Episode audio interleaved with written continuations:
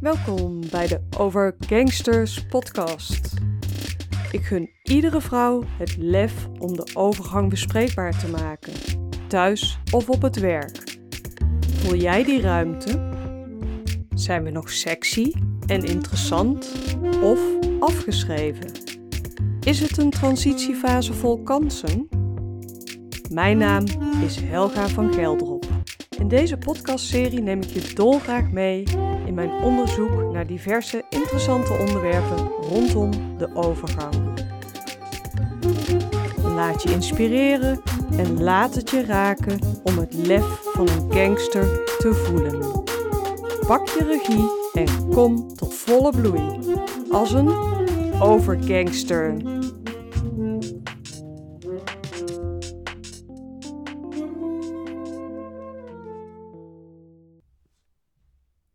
Welkom in deze allereerste aflevering waarin ik in gesprek ga met Wendy van Berkel. Je wordt meegenomen in mijn verhaal en wat mij ertoe bracht om de Overgangsters podcast te starten. Veel luisterplezier. Vandaag heb ik Helga van Geldrop te gast. Moeder, dochter, partnervriendin en een ondernemende yogadocent met brede interesse en kennis. Dat is kort omschreven wie Helga is. Helga was niet zo enthousiast over haar kennismaking met yoga in 1996. Anderhalf jaar later had ze zodanige rugklachten dat ze haar huidige sport aerobics niet meer kon doen. Ergens zat yoga nog in haar achterhoofd en ze vond het opnieuw het proberen waard. En sindsdien is ze niet meer met yoga gestopt. Sterker nog, het is helemaal met haar leven verweven. Yoga heeft er al snel voor gezorgd dat haar rugklachten minder werden. Langzaamaan werd Helga zich bewuster van spanningen in haar lichaam en leerde ze beter luisteren naar haar lichaam. Uiteindelijk zijn haar rugklachten helemaal verdwenen. Yoga bracht naast een krachtig en soepel lichaam ook rust en ontspanning. Helga vond haar balans terug. Ze heeft de opleiding tot yogadocent gevolgd bij een erkend instituut en sinds het voorjaar van 2005 geeft ze met veel plezier les. Haar positieve ervaringen met yoga wil ze graag doorgeven aan anderen, zowel fysiek als online. Welkom in deze aflevering, Helga. Dankjewel voor je mooie woorden en je mooie introductie. Graag gedaan. Ik begin meteen met mijn eh, allereerste vraag aan jou. Op welke manier heeft yoga bijgedragen aan jouw reis naar je innerlijke zelf? Meteen een hele mooie, diepe vraag, want daar kan ik natuurlijk heel veel over vertellen. Yoga uh, was voor mij in eerste instantie een uh, fysiek iets. Fysieke beweging in plaats van aerobics volgen. En ja, yoga, uh, ik ben ermee begonnen vanuit die rugklachten, zoals jij zo mooi benoemde in de introductie. En uh, in eerste instantie was het voor mij echt een uh, fysieke manier uh, om weer in beweging te zijn. Ik miste mijn workout als aerobics of ik ging skaten met vriendinnen. En ja, dat lukte me niet. Ik was al blij als ik een blokje om kon. En toen ik yoga ging volgen, was dat dus in eerste instantie van ja, ik kan nog wel iets. Ik kan wel bewegen. En langzamerhand werd dat anders, veranderde dat. En merkte ik van hé, hey, maar yoga doet veel meer. Het brengt uh, me veel meer terug naar mijn lichaam, terug in mijn lichaam. En eigenlijk is dat lichaam mij heel veel aan het vertellen. En dat maakte dat het ineens helemaal niet meer een workout was. Misschien zou je kunnen zeggen work-in. het werd een uh, work-in ik merkte in eerste instantie dat, uh, dat ik vrij snel, waar ik uh, bepaalde yoga-oefeningen nog niet mee kon doen vanwege mijn rugkwaliteit op dat moment, dat ik alternatieven zocht. En dat zag mijn docent ook. Dus die begon af en toe te zeggen van... Goh, zou het niks voor jou zijn om yoga-docent uh, te worden? Zo kreeg je dat al zo snel ook? ja, redelijk snel. Ja, redelijk snel. En uh, er ging misschien wel een jaar overheen, maar dat ging wel redelijk snel. toen dacht ik, nee, ik, ik zat in de marketing, communicatie en ik was lekker aan het werk. Ik had plezier in mijn werk. Ik dacht, nee, dat, dat is niet mijn weg. Echt nog zo. Volledige ontkenning. en nou ja, ergens is daar toch een zaadje geplant. Zij heeft dat nog wel eens vaker gezegd. En uh, ik zag in 2001, als ik het goed zeg, dus vier jaar later zo'n beetje, zag ik een ehm, een uh, advertentie van, van de yogaopleiding waar ik uiteindelijk ook ben gestart. Dat er de dag daarna was er een open dag. En ik dacht, nou laat ik het toch maar eens gaan onderzoeken. De volgende dag ging ik dus naar die open dag. En een week later zat ik al in de schoolbank. Of oh, liever gezet op de yogamat. Je, je was om. ik, was, ja, ik, ik dacht, ja, waarom ook niet? Uh, eigenlijk was dat zaadje al iets meer geplant dan dat ik misschien daadwerkelijk me bewust van was. En uh, mijn twijfels waren heel groot, want ik was op dat moment echt uh, gedeeltelijk afgekeurd. En ik dacht, uh, ja, ik kan helemaal niet zoals hè, uh, hele soepele mensen misschien alles voordoen. Dus dat was ook wel een van mijn vragen. Dat ik zei van ja, goh, hè, kan ik yogadocent zijn als ik niet alles zelf zo kan? En nou ja, dat was natuurlijk een dikke ja. En achteraf zie ik dat ook heel duidelijk. Dat uh, juist ook als je zelf dingen in je lichaam tegenkomt, uh, hè, neem je dat ook mee in je yogales. En kan dat juist ook anderen helpen om te zien van hé, hey, zij kan ook niet alles. Want we zijn toch geneigd als mensen om allemaal het plaatje te volgen. Um, dus ik heb bij sommige dingen waar ik misschien juist heel soepel in ben, ook wel eens dat ik denk, oh ja, hier mag ik wel wat voorzichtiger iets voor doen. Uh, om niet dat plaatje op mensen hun netvlies te zetten. Zo van, oh, daar moet ik heen. Ja, maar dat ieder zijn eigen lichaam volgt eigenlijk. Ja, dat is de kern van yoga. Dat zeg je meteen helemaal goed. Uh, er is een mooie uitspraak van... Um, uh, yoga is not about touching your toes, but what you learn on the way down. Dus yoga gaat niet om, erom dat je je tenen kunt raken, maar wat je onderweg leert. Ja, ik vind dat wel een even mooi om, om aan te haken, omdat hier staat yoga vaak wel onbekend. Van, oh, dan moet je heel soepel zijn en dan moet je inderdaad je tenen aan kunnen raken. Wat is, uh, zoals, zoals jij yoga omschrijft voor degene die yoga kennen zoals we het, ja, volgens het ja, het plaatje inderdaad kennen? Ja, duidelijke vraag. Uh, dat is inderdaad uh, iets wat ik ook nog regelmatig te horen krijg. Of dat ik in mijn mailbox een mailtje vind van... ik wil eigenlijk graag met yoga beginnen, maar ik ben niet soepel. Uh, dan denk ik, dan ben je juist uh, aan het goede adres om aan yoga te gaan doen. En het is altijd binnen uh, de mogelijkheden die jouw lichaam op dat moment heeft. En dat kan zelfs iedere dag of zelfs ochtends en s avonds anders zijn. En het mooie van yoga is juist dat je ieder moment dat je weer op die mat stapt, we zeggen dan ook altijd proberen een beginners mind te houden. Dus stap op die mat alsof het je eerste keer is. Mm. En dan kan het zijn dat een oefening uh, waarin je vorige week misschien frustratie tegenkwam, balanshouding bijvoorbeeld, dat je wiebelig was, dat je die een week later of zelfs een dag later uh, wel stabiel aanvoelt. Hangt heel erg af van hoe je je voelt. Um, en natuurlijk een stukje krachtopbouw. Um, en tegelijkertijd zijn er misschien ook oefeningen waarvan je de ene week denkt: oh, zalig, wat een fijn gevoel krijg ik ervan. En dan wil je dat gevoel weer oproepen. Maar dat wil niet zeggen dat het met diezelfde oefening op dat nieuwe moment weer zo is. Dus yoga is voor mij um, in beweging zijn. Ik ga proberen het kernachtig samen te vatten. In beweging zijn in het moment uh, en ja, het echt luisteren naar je eigen lichaam. En uh, daar heb je dus niet beelden voor nodig van hoe de, als je op locatie mag, uh, de buurvrouw of buurman het doet, of hoe de docent voor de groep het doet maar echt jouw lichaam. En natuurlijk probeer ik daarin wel uh, ja, de aanwijzingen te geven waardoor je misschien iedere dag een stapje verder kunt komen. Uh, die souplesse meer kan ervaren, die kracht meer kan ervaren. Je bouwt wel op. Dus het is niet zo dat je op een niveau blijft waarin je instapt. Maar het gaat er wel om, uh, juist dat lief zijn voor jouw lichaam En het luisteren naar jouw lichaam, ehm, ja, dat is misschien wel de moeilijkste opdracht. Maar ook, ja, wat mij betreft, de belangrijkste in yoga. En ehm, ja, ook wel iets wat ik altijd probeer in mijn yogalessen uit te stralen. Blijf bij jezelf. Uh, en kijk of je misschien naar die grens kunt schurken. En ja, soms gebeurt het mij ook nog steeds dat je pronkelijk toch even een keer over die grens bent gegaan. En kijk dan weer van, hé, hey, wat was dat?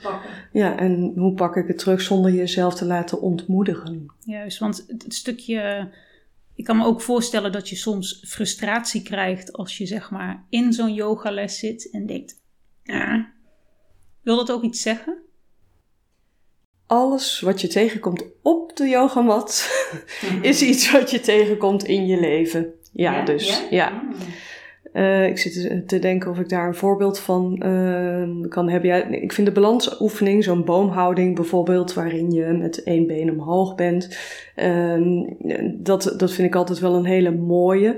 Als je uh, ja, mentaal in druk, druk bent, je, je bent druk in je hoofd, maar mentaal ook misschien wat uit balans bent dan zul je merken dat vaak ook zo'n balansoefening moeilijker gaat. En dat frustreert dan weer extra, want dan denk je, hm, het lukt me niet. Ehm, en uh, dat is dan dus een oefening in bijvoorbeeld geduld. Ik noem even een voorbeeld. Uh, het, kan, het kan ook hele andere dingen, dat is ook weer persoonlijk. Hè? Je kunt daarin andere dingen tegenkomen.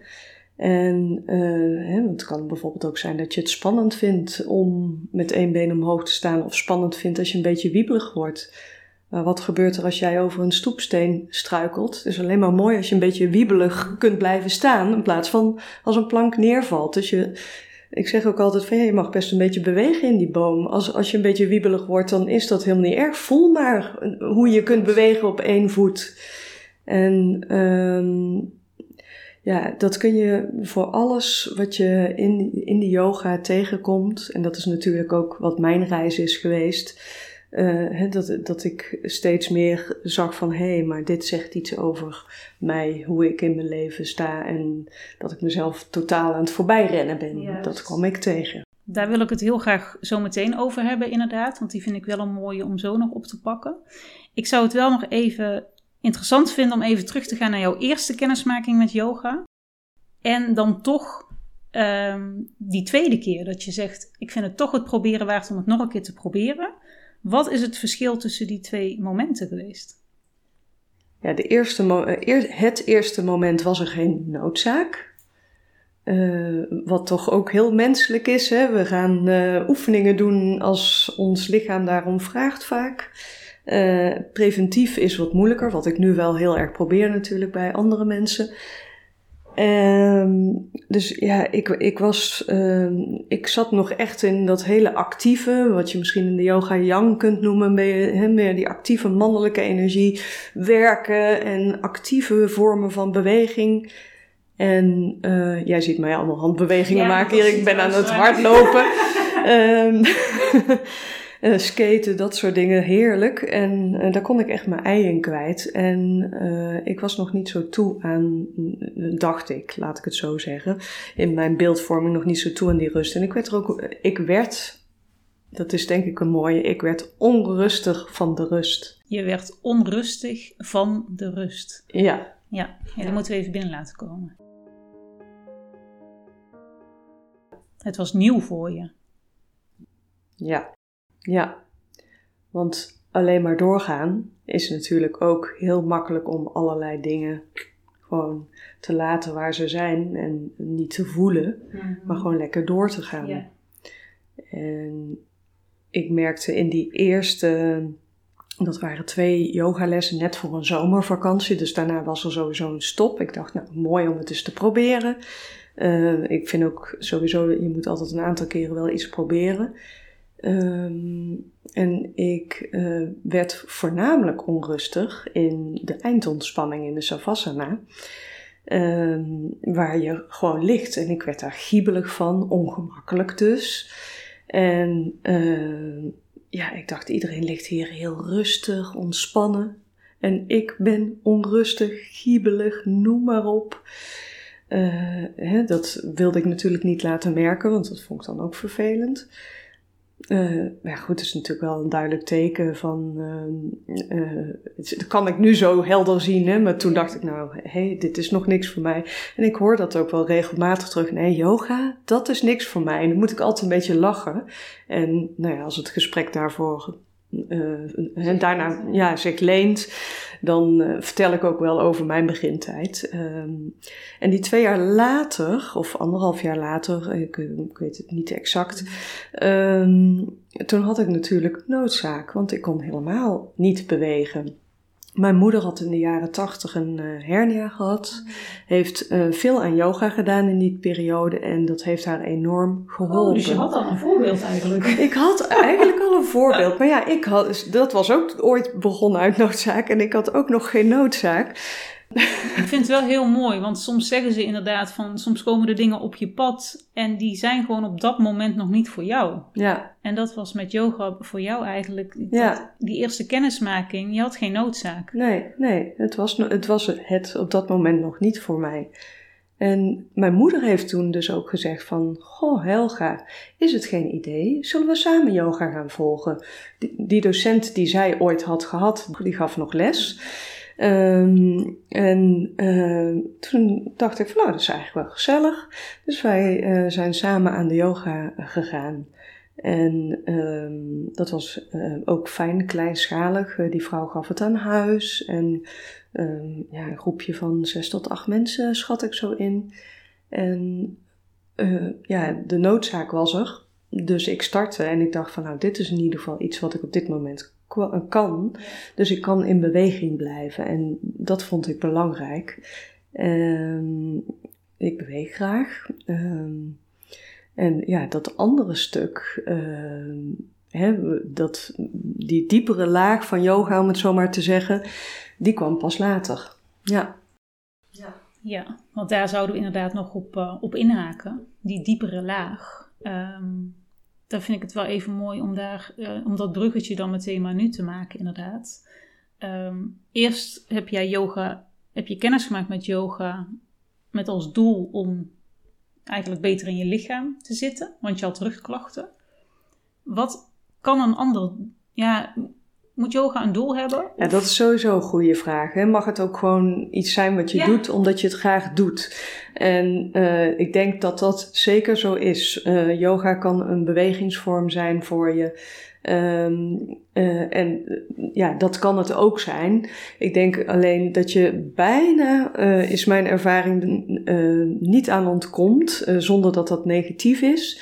Uh, mensen die wat langer yoga blijven doen, die gaan altijd ook wel dat uh, terugzien, herkennen in hun dagelijks leven. En uh, ja, de een is daar actief mee door ook, ehm, al is het maar een kleine serie van vijf minuten aan yoga te doen per dag. Of een ademoefening vaker op te pakken om even in zichzelf terug te landen. En ja, voor de ander blijft het bij één keer per week yoga. En dat is ook prima. Mag ik het met jou ook even hebben over, de, ja, over jouw innerlijke reis die jij zelf hebt meegemaakt? Want wij hebben natuurlijk al kort wel uh, wat met elkaar gedeeld. Want dat is misschien wel even leuk voor de luisteraar. Om even kort een uitstapje hoe wij elkaar hebben leren kennen. Ja, ja zeker. Want dat is eigenlijk wel een hele leuke. Ja, vind ik zeker. Ja, wil jij het uh, vertellen? Ja, ik wil, ik wil daar best iets over vertellen. Uh, nou ja, wat uh, daaraan vooraf gaat, is dat ik zeer recent verhuisd ben. En um, ik woonde in een leuke jaren 30 buurt. Ik woon nu in een nieuwbouwwijk. Uh, niet dat dat voor onze kennismaking echt wat zegt, maar toch is dat een grappig detail dadelijk.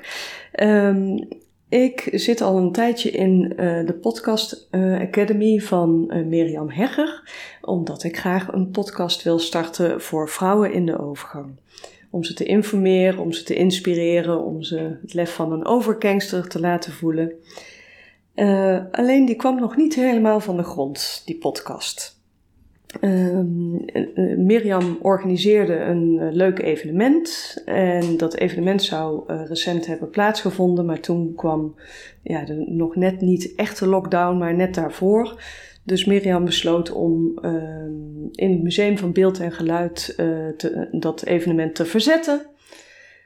En uh, daarvoor in de plaats een kort online evenement te organiseren voor iedereen die zich had ingeschreven. Ik zat in die online meeting, om het zo maar te zeggen. En ineens krijg ik een privéberichtje van Wendy. Hey Helga, jij ook hier? Ja, ik zag een bekend gezicht. En toen dacht ik, ik dacht dat je daar nog woonde eigenlijk. Die woont hierachter. En toen heb ik jou inderdaad gevraagd van, uh, wij wonen toch ja, wij wonen achter elkaar. Nou ja, wij woonden achter elkaar, vertelde jij mij toen, want ik ben verhuisd. En ja, dan ga je kijken van oké, maar wat... Ja, ik geloof er altijd in dat als er dingen gebeuren, van waarom gebeuren dingen zoals ze gebeuren. Dus wij hebben toen stiekem, net alsof je in de klas zit, even met elkaar zo heen en weer gechat. De vroegere briefjes in de klas.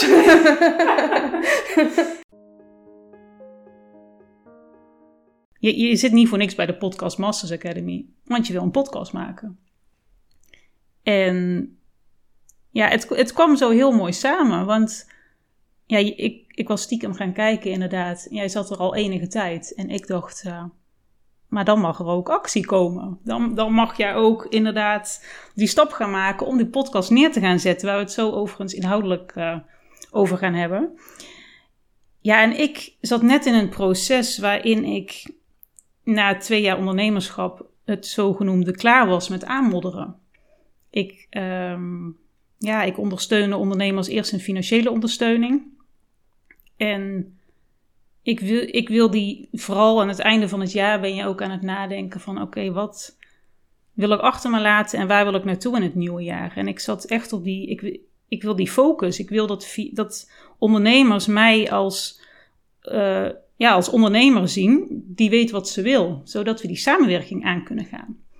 En zo hebben wij elkaar gevonden, want ik wil ondernemers ondersteunen om die podcastdromen daadwerkelijk waar te maken. Maar ook in de podcastwerkzaamheden die erbij komen kijken, zodat de ondernemer bezig is met de inhoud.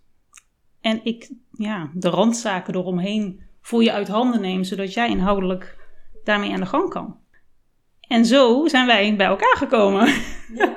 Ja, zeker. En dat begon inderdaad met de confronterende uh, vraag of opmerking. Was het eigenlijk: hé, hey, maar jij zit al zo lang in die academie, meer dan een jaar.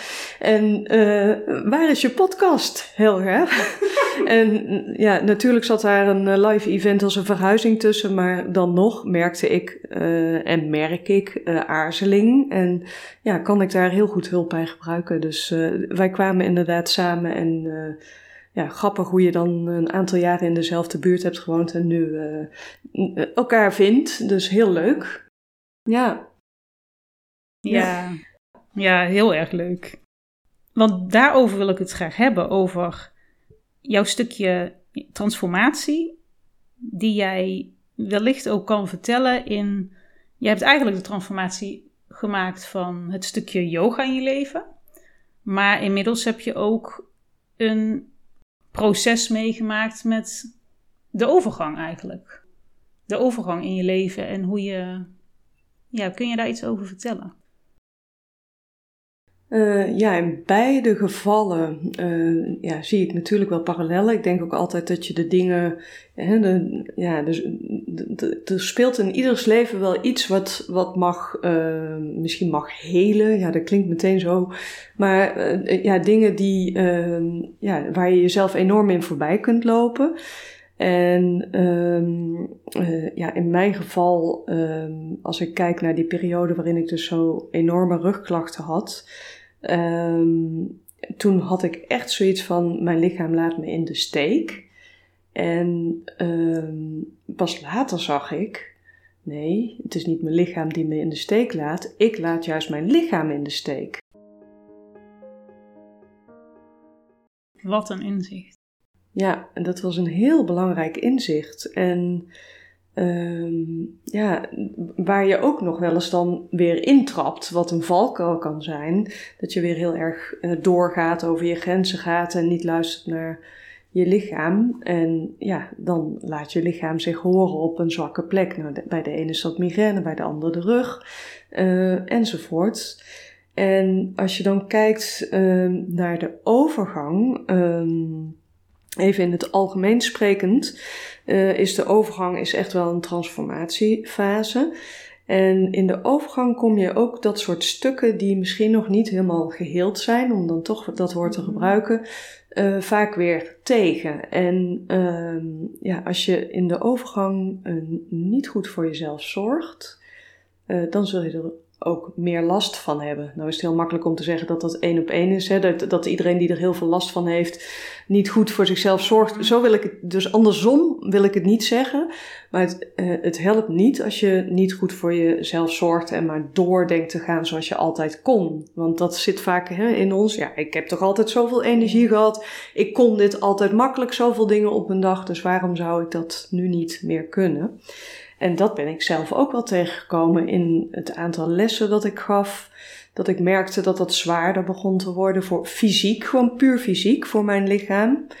En um, dat vond ik dan ook wel weer lastig, want toen dacht ik, uh, oh, ik word ouder. En dan krijg je toch een beetje zo weer die trigger van, laat mijn lichaam me nu in de steek? Mhm. Nee, ik mag gaan luisteren naar mijn lichaam heeft nieuwe behoeftes. Um, en ja, zo'n nieuwe behoefte uitzicht bij mij bijvoorbeeld in dat ik ineens veel meer wandel dan dat ik ooit heb gedaan. Um, dus die transformatie, um, uh, ja, vooral in de overgang, uh, denk ik dat als je in de overgangsfase van je leven ja, toch nog probeert weer over alles heen te stappen. Zo van, we gaan gewoon lekker door. Uh, ja, dan, dan, dat ga je onherroepelijk tegenkomen. En dan heb je ook kans dat je uh, langdurigere klachten gaat oplopen. Terwijl als je in de overgangsfase jezelf gunt om wel te luisteren naar je lichaam en daar ook op uh, te acteren, um, op in te spelen. En dat kan zijn in um, uh, iets veranderen in je leefstijl, qua voeding, qua beweging. Maar ook het gesprek aangaan met je werkgever, omdat je misschien tegen dingen aanloopt. Uh, dingen die jij eerder gewoon met gemak oppakte en waar je misschien nu denkt van hé, hey, maar dit kan ik zo niet meer volhouden. Um, het is heel belangrijk dat daar um, ja, een verandering in mag komen. En uh, ja, dat is dus wat mij aan het hart gaat, dat we dat ook doen. Want ik ben ervan overtuigd dat als je in die fase van de overgang die stukjes die uh, hè, nog uh, in jou uh, mogen veranderen, dat jouw lichaam dat dus perfect aangeeft. Hè, die meer rust inbouwen. Um, voor mij hè, is, is, rust, stilte is tegenwoordig geen moment meer van onrust. Dat was dus ooit wel zo. Um, uh, of, dat, uh, hè, of dat op je werk iets veranderen is zonder meteen heel heftig een, een nieuwe werkgever te moeten zo zoeken of een burn-out te raken. Um, ja, dan denk ik dat je in die tweede lente, zoals het ook wel genoemd wordt, uh, in de volgende fase van je leven echt nog een fantastisch leven hebt. Uh, maar niet alleen qua fysiek gezondheid, maar ook qua mentaal uh, het volgen van je missie. Ja, het is een woord wat je tegenwoordig vaak hoort, maar ik denk wel dat iets wat jou aan het hart ligt qua passie, missie en dat mogen doen. Ja, dat maakt je ook gelukkig. En um, ja, dat hoeft niet altijd meteen een hele carrière switch te zijn. Maar het kan wel zijn dat er gewoon iets kleins mag veranderen. Of dat je misschien de lunchpauzes waarin je je boterham nog opat achter je laptop, nu toch echt naar buiten gaat. Um, en uh, ja, dat ligt natuurlijk ook aan het soort werk wat je hebt. Um, maar ga het gesprek aan. Wat ik heel mooi vind aan jouw verhaal is dat voorheen was bij mij de overgang en wij hebben elkaar natuurlijk, wat ik, wat ik net zei, van tevoren ook kort gesproken. Toen hebben we het ook gehad over wat zijn nou eigenlijk symptomen van de overgang. En ja, bij mij was het vooral dat ik, ja, op een gegeven moment krijg je opvliegers. Meer wist ik er niet van. Maar kun je daar wat meer over, wat voor symptomen kun je ervaren als je in de overgang komt? Ja, dat is echt enorm uitlopend. Ehm, dat sowieso. Dus het kan uh, uh, zijn dat je je botten, je gewricht op een andere manier gaat voelen. Ehm, het kan zijn dat je haren dunner worden. Je kunt opvliegers krijgen. Je kunt slechter slapen. je krijgt wat meer vet rondom je buik. En een paar kilo is op zich ook niet zo erg, want dat heeft weer te maken met de, de hormonen. Maar dat moet niet veel meer dan een paar kilo zijn. Dus het mag geen smoes zijn om maar uit te zetten, om het zo maar te zeggen. Als je dat al zou willen. Um, maar het belangrijkste is wel, en dat benoem jij heel goed, um, want ik kan hier nog echt wel 30 punten aan toevoegen. Mhm. Ik denk dat dat een podcast op zich kan zijn. Uh, het belangrijkste om daarin mee te geven hier in deze podcast is dat het inderdaad absoluut niet hoeft te beginnen met opvliegers. En dat je zelfs helemaal geen opvliegers hoeft te krijgen in de overgang. Dat uh, is ook per persoon verschillend. Heeft ook weer te maken met je leefstijl. Uh, daar hebben uh, beweging en uh, je eetpatroon ook invloed op. En ook je werk. Hè, heb je bijvoorbeeld in de zorg nachtdiensten, dan is het ook veel lastiger. Um, dus um, um, ja, wat vaak gedacht wordt, zolang we geen opvlieger hebben, ben ik oh niet in de overgang. En ik had dat zelf ook. Ik ben dat ook tegengekomen. Ik was begin 40 en ik had ja, uh, ik kreeg gewoon hele heftige menstruaties. En nou, ik ging op een gegeven moment naar de huisarts, want het was zo heftig dat ik ook echt uh, ijzertekort kreeg. En um, de huisarts zei van, nou nee, je bent te jong voor de overgang. En uh, nou ja, ik dacht dat zelf op dat moment ook. En het was uh, aan zich echt een hele goede huisarts. Dus uh, hè, ik had ook geen twijfels over, over het oordeel. Of oordeel, dat klinkt meteen zo, mm. maar over zijn ehm, visie. visie erop. En um, uiteindelijk denk ik achteraf gezien, met wat ik nu allemaal weet, denk ik, ja, was het bij mij toen wel al begonnen. En weet ik ook dat het helemaal niet raar is als je 40 plus bent, dat je uh, overgangsverschijnselen mm-hmm. krijgt. Maar bij de een gaat, sluipt het er misschien langzamer in. Je wordt onregelmatiger ongesteld. Nou, de ander blijft nog jaren regelmatig en heeft misschien wel wat andere klachten. Of wordt ongemerkt wat voller en heeft dat nog niet helemaal in de gaten. En uh, als, je daar, als ik daar heel even op inga, als je wat meer buikvet uh, krijgt, dat moet natuurlijk, uh, daar moeten we altijd mee oppassen, want dat is een gezondheidsrisico. Uh, maar twee of drie kilo wordt gezegd, ehm, is op zich niet zo heel um, gek eigenlijk nog. ook al vind je het zelf misschien niet zo leuk. Want dat stukje buikvet, dat neemt een stukje uh, de aanmaak van oestrogeen ook over. Dus dat zorgt er stiekem een beetje voor dat je lichaam geholpen wordt in die hormoonbalans. Het is wel zo dat uh, ja, op een gegeven moment die stofwisseling ook wat trager wordt. Dus dat je inderdaad ook daarin mag gaan kijken naar uh, ja, misschien een andere vorm van bewegen. Als je nog nooit krachttraining deed, is krachttraining ook enorm goed in de overgang. Um, naast rust, ontspanning. Um, nou ja, dus eh, eh, er zijn talloze uh, ja, verschillende klachten. Ik heb een tijdje terug heb ik een enquête gedaan. En um, daar kwam echt 60% van de vrouwen had slaapproblemen. Dus dat was eigenlijk juist het grootste, uh, ja, de grootste klacht die naar voren kwam. En bij de ene is dat inslapen, bij de andere is doorslapen, bij de andere is het weer extreem vroeg wakker worden. Ehm, maar ja, ook dat heeft weer met je hormoonbalans te maken. Want jij benoemt net bij onze kennismaking inderdaad over dat jij een podcast wil gaan maken over de overgang. Wat kunnen ja. uh, luisteraars van die podcast verwachten? Ja, ik um, wil in uh, de Overgangsters podcast, uh, vanuit het woord overgang naar overgangsters. Um, en die gangsters heb ik bewust gekozen omdat um, ik zelf ook voelde dat uh, het, het zet je wel weer een beetje aan het wiebelen, die periode van de overgang. En uh, bij de een is dat wat sterker dan de ander. De een heeft echt, uh, ik, ik, heb de uitspraken gehoord, ik herken mezelf niet meer. Uh, bijvoorbeeld in boosheid, in verdriet of in ja, een beetje labieler voelen. nou ja, het is niet bij iedereen even sterk of stemmingswisselingen aan zich. Ehm, en uh, ja, ik hoop met mijn podcast uh, vrouwen ja, meer in hun kracht te kunnen zetten. En ook een stukje begrip van: hé, hey, maar dit gebeurt er in mijn lichaam en daarom voel ik me zo. En tegelijkertijd dan ook het lef om, um, om dat uit te spreken. Want het blijkt op een of andere manier toch ook nog een taboe te zijn. Um, uh, dus dat je het gesprek aangaat, uh, wat ik al benoemde op je werk, maar zeker ook thuis. Dat je het thuis ook over hebt van, goh, hè, misschien herken je me niet altijd in mijn reactie, maar dit is gaande in me. En uh, nou, ik heb er zelfs ook, zelf ook wel eens, ik ben helemaal niet zo fel van nature, maar dat ik af en toe heel fel reageer ineens. En dat ik denk, hé, hey, wacht, wat is dit? Waar komt dat vandaan?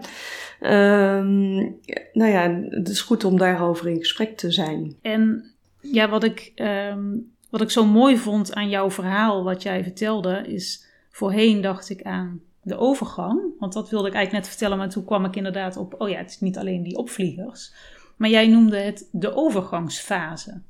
En dat brengt het wel weer mooi van wat kun je hieruit leren? Ja, ja.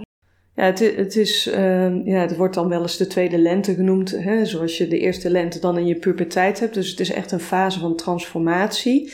En uh, ja, 80% van de vrouwen uh, komt klachten tegen, waarvan een gedeelte dan echt uh, in zodanig dat het ze beperkt. Um, maar ja, je moet je voorstellen dat dus maar 1 op de 50 gewoon fluitend als het ware doorheen gaat. En de rest komt het wel op een of andere manier tegen. En ja, ik zie het um, sinds die fase met mijn rug. Um, uh, ja, ben ik ervan overtuigd. Uh, The Body Has Its Reasons uh, is, is een, ik zie die titel altijd voor me, is een titel van een boek. Ja, het lichaam heeft zijn redenen. Dus als jij iets tegenkomt in je lichaam, ja, wat, wat wil mijn lichaam me vertellen? Yeah. In plaats van te denken, mijn lichaam laat me in de steek. Yeah. En, en dan om te draaien en te kijken van, hé, hey, maar wat heeft mijn lichaam juist nodig? En um, ja, wat heb ik misschien zelf nodig? En ja, het is natuurlijk ook onherroepelijk als je rond de 50 eenmaal bent. Die overgang kan echt eerder beginnen. Hè? Er zijn ook vrouwen die het nog eerder hebben. Uh, maar als je zo rond de 50 bent, dan, ja, dan denk je van, goh, uh, hè, misschien nog 15, misschien 17, 18 jaar werken over het algemeen. Ja, wat wil ik daar nog mee? Ja. Ja, dus het is ook wel een logisch moment. Je staat letterlijk in het midden van je leven. Tegenwoordig kunnen we honderd worden. Uh, nog niet zo lang geleden was het ook helemaal, ja, was het gewoon zo, dan was je al uh, van de wereld af, om het zo maar te zeggen. De tijd uit, zoals mijn oma zei. Mm. Uh, en ja, tegenwoordig mag je in de overgang komen. En uh, ja, is, is dat eigenlijk iets heel nieuws, waardoor ook nu pas relatief meer daarover bekend wordt. Ja, en door jouw podcast ga jij mensen er ook meer over uh, vertellen. Maar als ik jou mag vragen om te vertellen tegen jouw ideale luisteraar, waarom die zou moeten luisteren naar jouw podcast? Ja, nou, ik, ik zou uh, ze sowieso uitnodigen om te luisteren. Um, omdat, uh, ja, mijn wens is dat, uh, dat ik ze inspireer um, om inderdaad ook uh, naar hun eigen lichaam te gaan luisteren. Uh, ik wil ze daarmee helpen door te informeren. Uh, dus door echt ook informatie te geven van hoe het werkt in ons lichaam, wat je tegenkomt. Ik ga ook proberen taboes daarbij niet te vermijden. Uh, voor mezelf is het ook een reis. En zo benoem ik het ook in mijn intro van mijn podcast. Dat ik ze meeneem in mijn ontdekkingstocht naar alles.